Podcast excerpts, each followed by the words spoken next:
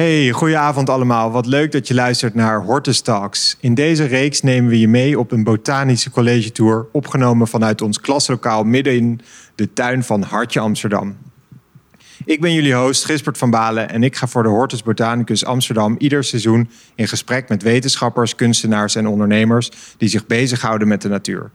Dit zomerseizoen, bestaande uit vijf afleveringen, nemen we je mee in de wereld van reizende planten. Vanavond gaan we in gesprek over de impact van de mens op plantenmigratie in Europa.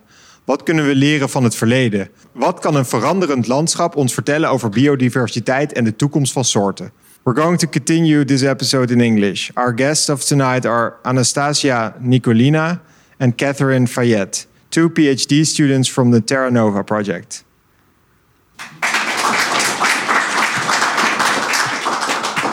Great of you uh, to be here. Um, before we start, maybe you can give a quick introduction. Hello, everyone. My name is Anastasia. It's super nice to be here with you. Give us, give you a little bit of, yeah, insight information about our projects, about our research. I'm an archaeologist, and I work at Leiden University at the Faculty of Archaeology. And um yeah, we're going to talk about this later. Yeah. and where are you from? I'm from Russia. Catherine. Floor is yours. Yeah, thank you. Uh, nice to meet you all. I'm very happy to be here tonight. Uh, I am uh, also part of the Terra Nova project. Uh, I am from France and Switzerland, and I am doing my PhD in Brussels. And I have co-supervision uh, from the Vrije Universiteit in Amsterdam, where I did a master's uh, before starting my PhD. Um, and I think that's a bit of the background. And we go more into details about our topics later. Yeah, yeah, I guess. for so sure. I will yeah. keep questions No, for this later. is- you're just Yeah. started. Yeah, just let's dive in. The, the Terra Nova project, uh, uh, Nastya, what can you tell me, tell us about it? Yeah, Terra Nova, it's, a- yeah, it's a big European project. In this project, we have 15 PhD students. Uh, to be more specific, we have now 14 PhD students and one master student. And um, yeah, we, we, we study many things actually, but the main topic is um, um, about landscapes and different factors related to this. Humans, climate, megafauna, Yeah, what is the goal of the project? Uh, I think the goal is to understand uh, what we can learn from the past in landscapes. So how landscapes change in the past, what is happening now, and what landscape will become in the future. So we think that we can learn from the past to prepare a better future and better understanding because we live in a very changing world, and we can learn from the past as well, not just on the moment.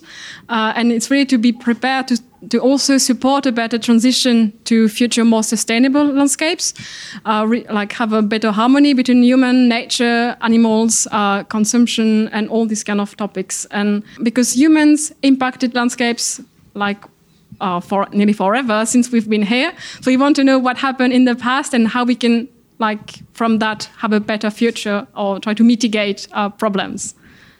And and when did the um, project start and when will it end? The project started in 2019 and it will end in 2023.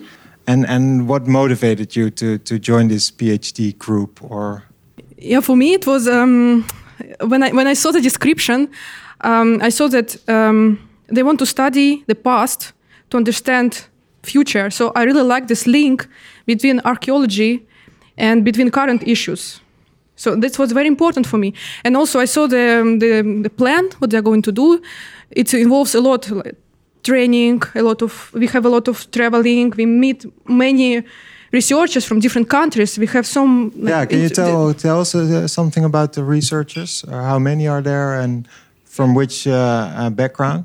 Oh, from different backgrounds. It's difficult to say. We have, uh, I don't remember exactly. Like we have And, and quite young, right? uh, the main part, like PhD students and this master student. We, we, yeah, we are Yeah. early stage researchers, Yeah. but of course we have our supervisors, and they're from uh, I don't know from uh, from the Netherlands, Denmark, Portugal. I don't know from whole Europe actually, from Romania. Yeah, and we even have PhD. We are 15 in total, and we also have some PhD students who come from outside Europe. We have some from uh, the US, uh, from Canada, from the US, uh, and also from students from well Europe as well. And one uh, thing with this uh, uh, type of project, because we have funding from the European Commission, it's a Marie Curie fund, and for this type of training, we have to be studying in another country than the one where we are living. So all of us had to go somewhere else uh, to have another experience, also living somewhere else and have this exchange. We are supposed to meet every six months altogether. With covid it has been a bit complicated but now we are we are able again to meet and have like, field work experiences in different countries. So it's lots of learning and meeting uh, people. You can imagine how cool is it to be in such atmosphere of continuous learning traveling and exchange of ideas. Yeah you because you always you all also go every year to a different country to discuss the, the, the, the findings and the conclusions so far? Yes, we have, um, uh, we call this secondments. Basically, it's like internship when you go for a month or two to another um, university, for example, or um, non, um, or like um, yeah, non, non-academic organization. So you spend there some time then you come back to your to university where you work. Yeah, after six months we are all together, and we were last year we were in Romania. Yeah. Uh, this year in March we were all in Brussels, and we are supposed to go to Sweden in October to do field work, look at like forest, meet on re with researchers. So it's every we try to see what's going on there. It's right. applying research, not just being at the computer desk. Yeah. also one of the missions and one of the goals is um, to uh, create an online atlas. In such big project, you have many results results to deliver. These are scientific articles, but one of those is a, a digital atlas, and we develop it all together. Uh, it will be an atlas where you can see results of our research. Okay, for archaeology, we have. Um, um, distribution of different sites and to, to, understand how humans impacted landscapes in the past. We also have uh, climate data and also we'll have projection for next 100 years how climate will change. We also have a part about megafauna, about distribution of different animals in Europe in the past. And that's also been used for policymakers or Yes, that's the connection. So we hope to not keep this atlas just for scientists, but it's also nice to have our results that can help policymakers to know when they have new policies what they can learn from the science, but also how to apply it because it's easy, not, not easy, but we can have uh, policies, objectives, but then we have to implement them. And we hope that we can gather useful information for policymakers in this atlas. Catherine, your a specific PhD is on land abandonment, right? Can you tell us a little bit about that? Yes. Uh, so, land abandonment uh, is my uh, main topic. So, it means that I'm looking at farmlands that have stopped being managed by the farmer. We don't have a real definition to say for how many years a land has to be stopped to be managed. Some people say it's two years, sometimes it's three years, some researchers will say it's 10 years. But the idea is that the farmer either is too old to keep managing the land or move to another country or it's not um, it's not making money enough with that land. So they just leave it and the land is abandoned.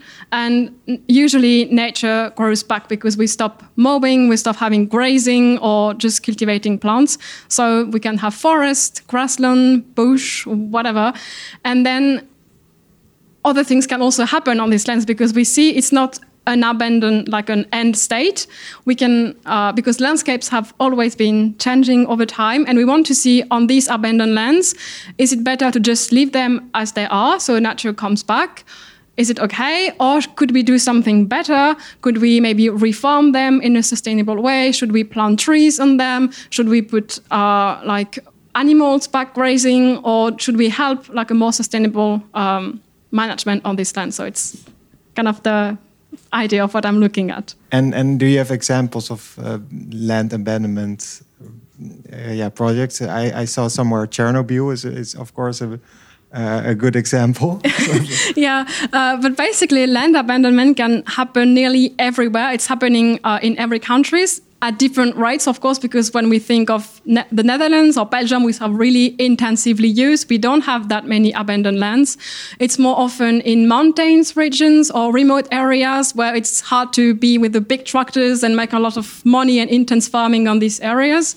Uh, it can also happen where I grew up. Uh, it was in the countryside in France, and people were just like either too old or it was not making enough money. And so the land is just abandoned, forest grows back. And it was just around there and you just have a field and like high grass and then from grass it becomes shrub and then it becomes forest and it's just happening it can be anywhere or is yeah. rewild, rewilding always positive for for bi biodiversity uh, it depends on the place and it depends also on the point of view i would say uh, just on just on uh, terms of geography or um, biophysical conditions. Sometimes rewilding when, when we do nothing can be good because nature will come back and then we have more forests, we have maybe more butterflies, more birds than before when we had just a cornfield or just wheat on, on that place. But we can also think that in other places, if it's as we are seeing that we have more and more fires in Europe uh, happening now.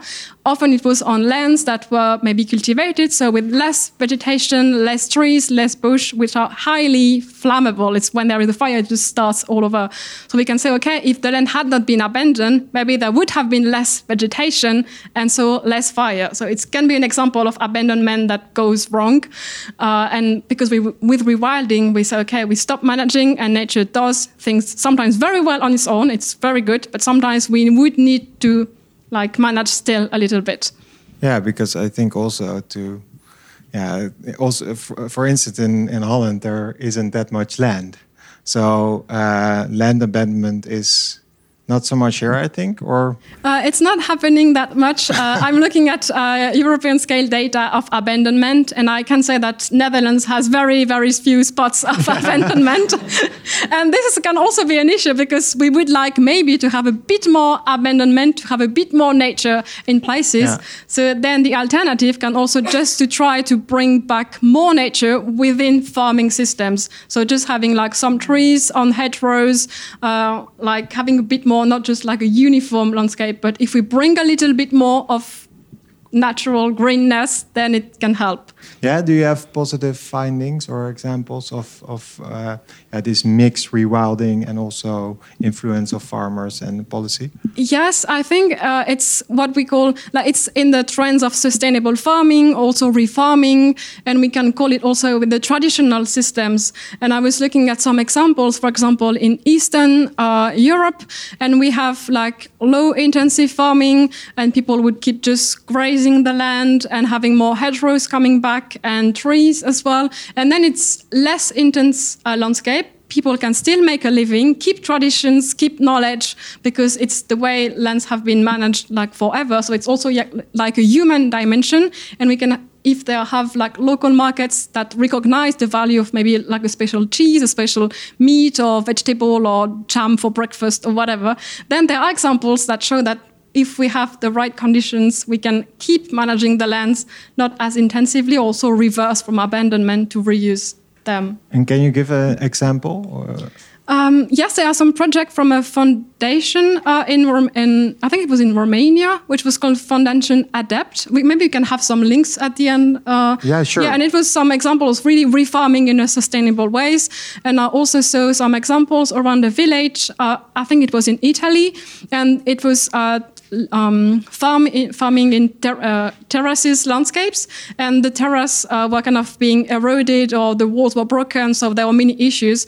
And the people from the village around thought, okay, it would be nice to reuse these lands, make a local farming market, and it was really like hobby farming for families, reusing the land and making like a small little market that they made th themselves from lands that no one wanted anymore, but we we also see that with COVID, we wanted to go back to the countryside, have our own more independent way of life, and that was kind of an example to make sense for people. And uh, these are all very local examples. How do your findings and your uh, maybe can how they do, how do they reach these local farmers or um, because that is I think very hard.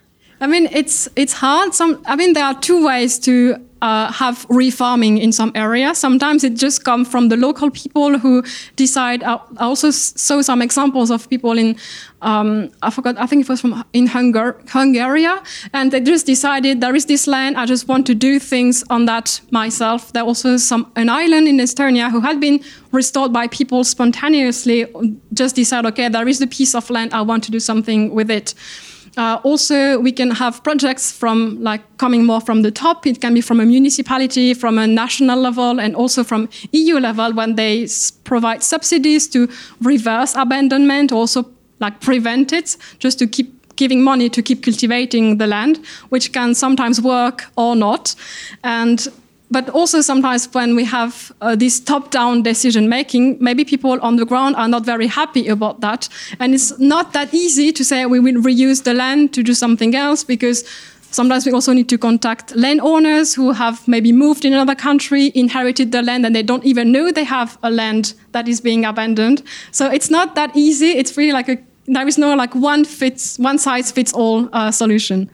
I, I think in Holland we're a great example of how much resistance we can we see if it's top down from the uh, government saying okay you need to do it differently. I'm talking now of, the, of course about the farmers but do you have ideas how we can do that better? Um, I think it's really in the terms of communication and mutual understanding, uh, because if it's just a politician who just say, okay, those farmers from that village, they have to do this and that, then it's unlikely that it's going to work just like this, because first, maybe the politicians just don't have the same knowledge of what is going uh, on the ground. And the same maybe at the local uh, level, we maybe don't see the big picture because we just have our local vision and we don't know that if we do some new management on the land how it will contribute to something bigger maybe restore connections between different areas. So i think it's really between communication and also uh, like knowledge and training because if we want to have maybe more sustainable landscape use we maybe have to new, to learn new techniques as well that it can also like take some time some resources some management and it's really about yeah communication and also developing networks between farmers between regions that they can learn from each other exchange from how is it going in another country another region from the same place. So it's really kind of networking communicating and not just stay in your own bubble.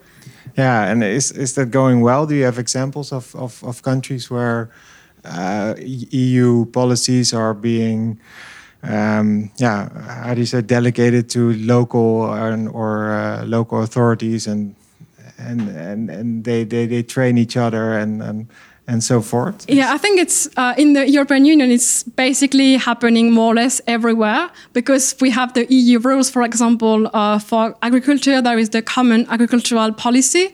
So it's kind of the general guideline, and there are also some guidelines on how we can use the land. Like in Habitat directives, we can we are allowed to do certain things in a certain way but it's not just like in the EU bubble of policymakers in Brussels that will have the influence directly in one village somewhere. And it often goes through the national level and then often farmers organizations or landowner organizations who are there to bring down the knowledge and also exchange. There are like uh, uh, association forums uh, networking organizations. So it's really uh, when we speak to different organizations they have projects and we can see nice examples of how they recultivated a land how they help farmers transition from one way to another. So it's there are many examples and positive ones uh, yes we can learn from them. Yes. Hopefully. Yeah. Um, the EU also has this strict this strict target, right? About three billion trees planting in until when in 2030? Uh, 2000 and yes. Uh, so it's. Uh, Is that going to happen? I mean, uh, we, we will see how it goes. Uh, but yeah, but the EU, the EU part of the new Green Deal policy, they have this target do of you, planting. Sorry, do you agree with this target also? I mean, uh, for I would only say planting trees. That's. I would, I would say yes and no because we need trees for sure. But the question is just where we will put these trees because uh, we, we often have the idea uh, to store carbon. We just need to plant trees. So it's the what we have heard like for a long time. But it's true, but we have to think just a little bit further because sometimes if we say we have a nice grassland uh, and then it's going to be abandoned, so we can say, okay, if we are not cultivating or grazing it, we could just put trees and then that's be it. So we will store carbon. So yes, but maybe on that grassland there was maybe some special flowers, some special plants, some butterflies or birds that depend on that type of landscape. So it's always kind of a balance. So if we put a forest there, then we will have other species. So maybe it's for, for the better or for the kind of worse because we would lose some species. So it's nice to look at the grassland field, but also what is all around. If there was already forest everywhere around, maybe it would be nice to keep this as a grassland. But if it was like just fields, maybe we could put it as a forest. Nastia, you wanna? just little addition and that here we can use terranova atlas because we can actually see the past landscape change and past vegetation change and how it responded to different climatic conditions for example so we, we can see where different plant functional types grow in the past and see how they yeah respond to the past changes so that's how we can use in decision taking about where actually we should plant these specific uh, mm, trees because with climate change we have some trees that were that used to like to grow in some areas but now we can see that maybe this region might might not be very good for them anymore and we should think okay so in 10 20 or 30 years is that still fine to plant uh, pine trees in here? And also we have the fire issue we have the water impacts that the forest can have. So for sure we need to plant trees and also see maybe more in uh, urban areas because we see that in a city when there is a heat wave, having some green spaces is really nice. We can also have more trees around, as I was saying, around fields, uh, um, agricultural areas. It doesn't have to be just blank green, but we can have some uh, architecture in the landscape. So we need trees. We just have to know where to put them and also be sure that they will not be just planted and die the year after, but they will be planted and growing for a long time. Thank you so much. Um, you made a, a, nice bridge to your own research. um, uh, to understand the future, you can also study the past. Um, yeah, what's your research about? So basically, I study past human impact on uh, vegetation. And uh, we all know that um, we have agriculture, and of course, agriculture has impact on vegetation, on landscapes in general. But um, what we also know that hunters and gatherers also impact vegetation. When when started the agriculture? Uh, different places differently, but like um, there was some transition period between when hunters and gatherers in Europe coexisted with agriculture, which was uh, after 8,000 years ago, seven. So I think around 6,000 years ago, there was mostly agriculture already here in Europe. Um, so yes, uh, we know from ethnography that hunters and gatherers use fire to burn vegetation. They use it for many reasons. I actually printed a picture. Can I show it now? Yeah, yeah, sure. Uh, yes, thanks. Uh, so we have ethnographic evidence of this. Um, this one. Yes. Uh, this is a picture from Australia, and this shows like how local. Yeah, yes, or, or, yeah, you can, you can uh, give can it around. Yeah, how people actually burn um, burn vegetation to hunt, hunt kangaroos.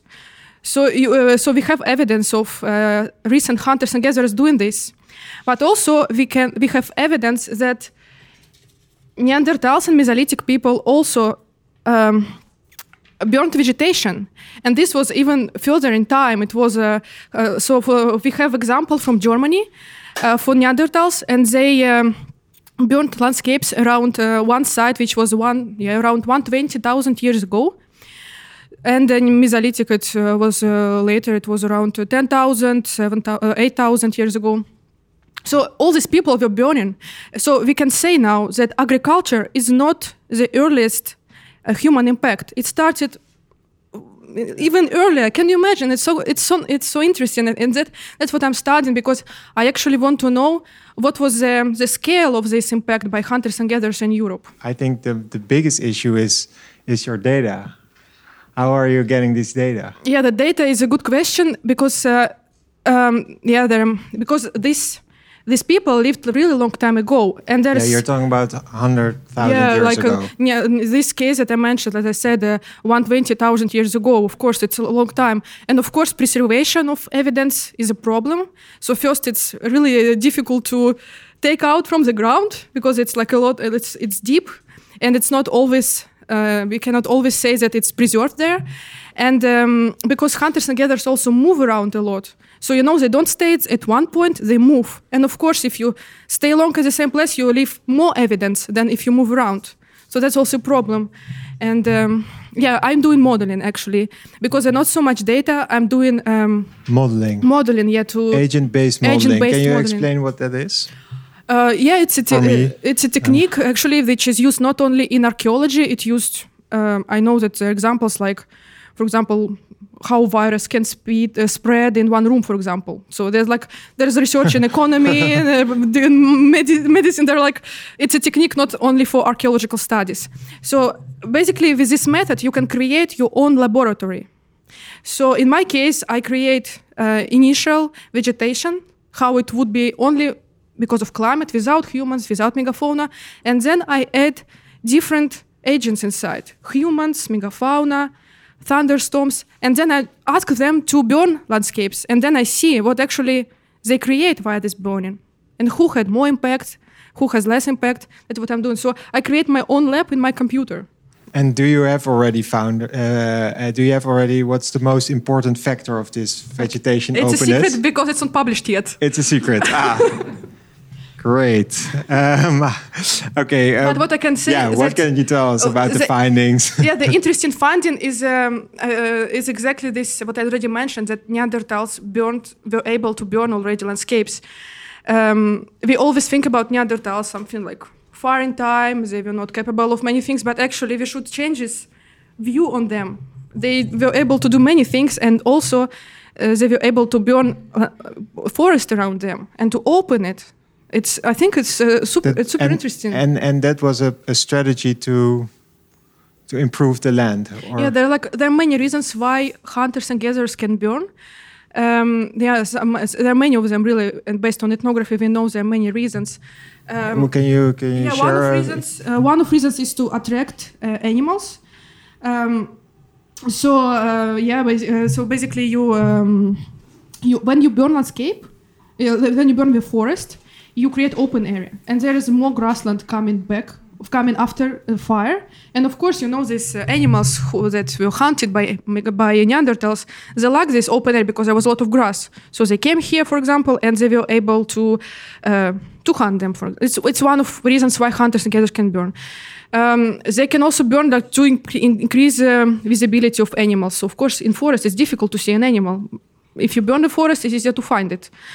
Um, yeah, there is also to improve some um, some yeah some berries, some uh, mush, or some um, some nuts, nuts, nuts, which grow sometimes also better after burned when landscape was just burned. So there are many reasons why they burn. We don't know particularly why specific yeah people were burning it in the past because we cannot ask them. They're not, and did not they burn? anymore. Did they no? But did they burn a lot, or what was the impact? That's that's exactly the question what I'm doing right now because I want to know what was intensity on continental scale. Uh, like um, Do you have an idea, or is that also it's not secret? yet. Ah, okay. No, but, but maybe okay. can you say But- if it was less or more than what you expected? Was it a big Yeah. surprise or small surprise? to be honest, it's a bit um, yeah, it's a big big surprise because we have um, this idea that megafauna can impact landscapes a lot, and it's indeed true. We have evidence of this, and on local scale, I think megafauna really impacts it a lot. But on the continental scale, I don't, I cannot tell you much because No, it's published okay. yet. But uh, yeah, I think No, that's okay, but- it's interesting to see how this, you know, who impacted more, megafauna or humans. Yeah. It's a question. what can we learn from it? Um, I think the the most important thing is to understand that uh, human and change of landscape is not recent. I mean, of course, it was intensified during uh, industrialization, so it became um, more intense recently. But it started really thousands of years ago. And um, for me, it's important also to understand that uh, rewilding may be not the right term that we use because you cannot make completely wild landscape anymore because humans impacted landscapes thousands of years. What is actually wild? What is landscape without humans? Do we even know this? Can we model it? Can we can do we know which plants were growing where there was no humans? I don't think so. So when we're talking about rewilding, maybe we should name it differently. Maybe we should, yeah, because landscape without Do humans. you have an di- di- idea how, how we can name it? How can Uh, we name it? I don't know. Maybe it's more, but for policy, uh, Yeah, I mean, rewilding is becoming more uh, frequent in the policy area, but we can also talk about more wilderness in places or bringing back nature. It's just over this whole concept that we can say we just have less human, like less direct human influence. So it's really playing around words, but it's the idea of yeah reducing our own impact to make animals come back, species come back. Maybe not the one that used to be there like initially, but we try or they try to have a bit more nature. And uh, so all this will, yeah, come in this atlas. Um, for whom is the atlas intended? all people, like several groups of people who can use it. Of course, researchers who also study landscape, who are interested in biodiversity or anything related to this topic.